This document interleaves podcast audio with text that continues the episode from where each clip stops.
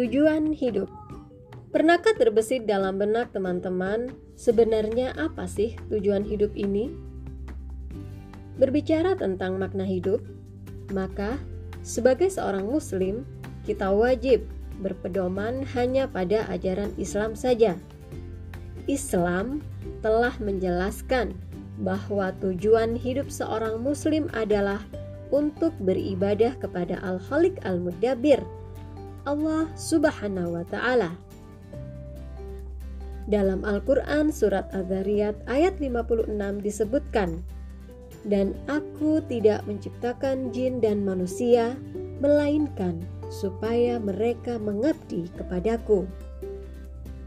Dari sini nampak jelas bahwa tujuan penciptaan manusia adalah untuk menyembah dan beribadah kepada Allah Subhanahu wa taala, bukan yang lain. Makna ibadah menurut kamus Al-Muhit adalah taat. Sedangkan menurut istilah, ibadah mempunyai dua makna, yaitu ibadah secara umum dan khusus. Makna umum adalah ketaatan kepada perintah-perintah Allah dan menjauhi seluruh larangannya.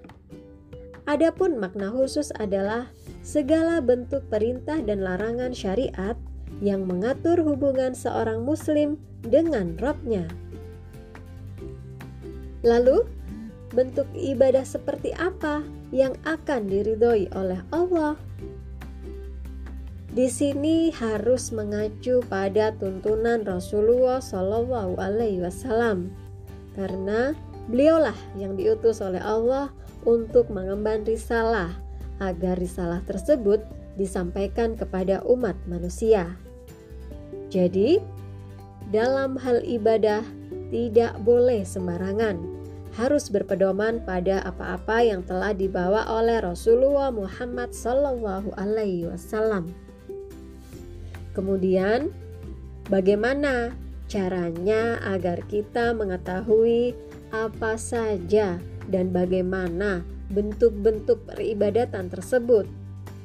tentu saja dengan tolabul ilmi atau menuntut ilmu, yakni belajar. Itulah salah satu hikmah di balik perintah wajibnya menuntut ilmu bagi setiap muslim, yakni agar manusia mengetahui hukum-hukum tata cara seputar ibadah yang harus dia jalankan dalam kehidupan ini.